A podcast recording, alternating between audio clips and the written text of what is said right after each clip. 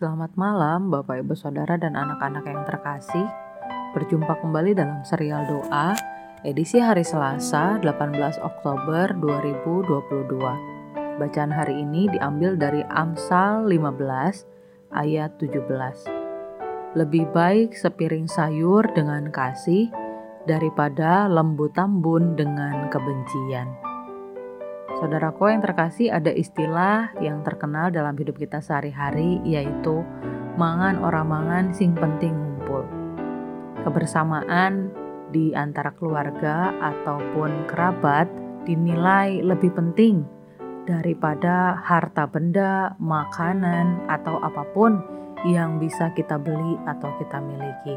Relasi antara orang-orang yang kita kasihi dengan kita adalah hal yang paling penting, karena tanpa relasi itu, seenak apa pun atau sebanyak apa pun kenikmatan yang kita miliki, rasanya tetap hampa, rasanya tetap menyedihkan jika kita tidak bisa menikmatinya bersama dengan orang-orang terkasih.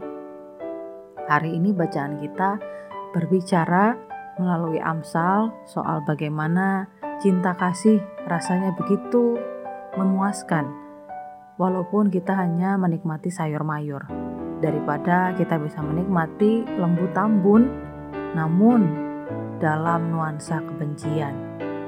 Tentu lebih enak lagi kalau bisa menikmati lembu tambun dalam nuansa cinta kasih ya.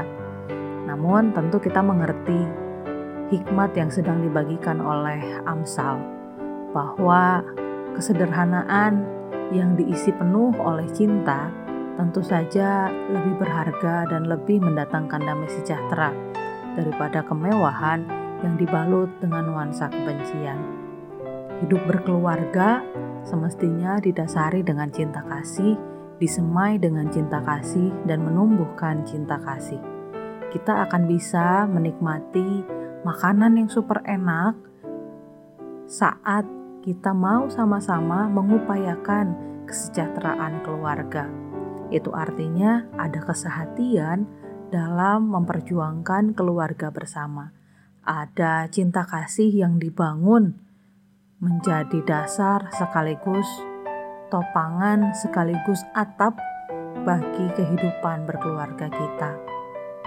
Kalau saat ini Bapak Ibu Saudara dan anak-anak sedang ada dalam pergumulan yang membuat relasi berkeluarga begitu kering, begitu dingin tanpa adanya kehangatan cinta di antara satu sama lain, tanpa adanya obrolan-obrolan yang begitu bersahabat, mungkin setiap kita perlu melihat diri kita sendiri. Apakah saya terlalu gengsi untuk memulai mengekspresikan cinta kasih saya kepada keluarga saya? Apakah saya terlalu perhitungan untuk membagikan apa yang saya miliki, kesukacitaan yang saya miliki.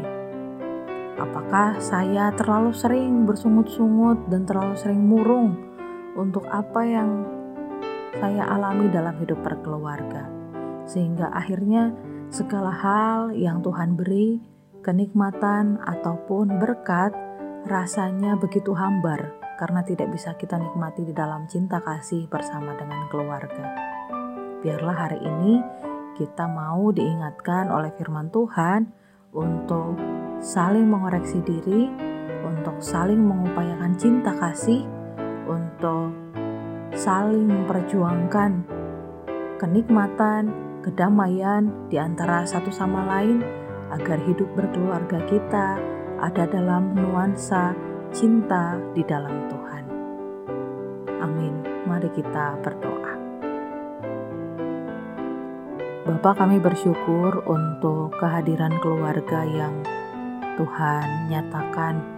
Kami bersyukur bahwa setiap kami Tuhan beri kesempatan untuk belajar mengasihi. Tentu ya Tuhan ini tidak mudah. Ada banyak tantangannya, terutama tantangan dalam diri kami sendiri ketika kami punya ego yang besar, ataupun ketika kami sulit untuk memahami orang lain. Biarlah ya Bapa, firman Tuhan hari ini mengingatkan kami bahwa cinta bisa hadir dalam kesederhanaan, Dan biarlah kami mau sama-sama berjuang untuk mempertahankan cinta kasih Tuhan dalam kehidupan kami berkeluarga.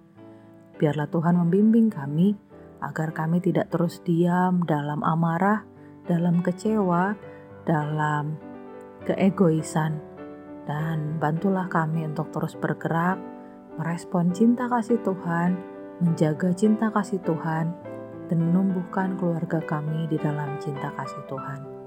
Demi Kristus Yesus, kami berdoa. Amin. Selamat malam, saya Penatua Esther Novaria. Tuhan memberkati.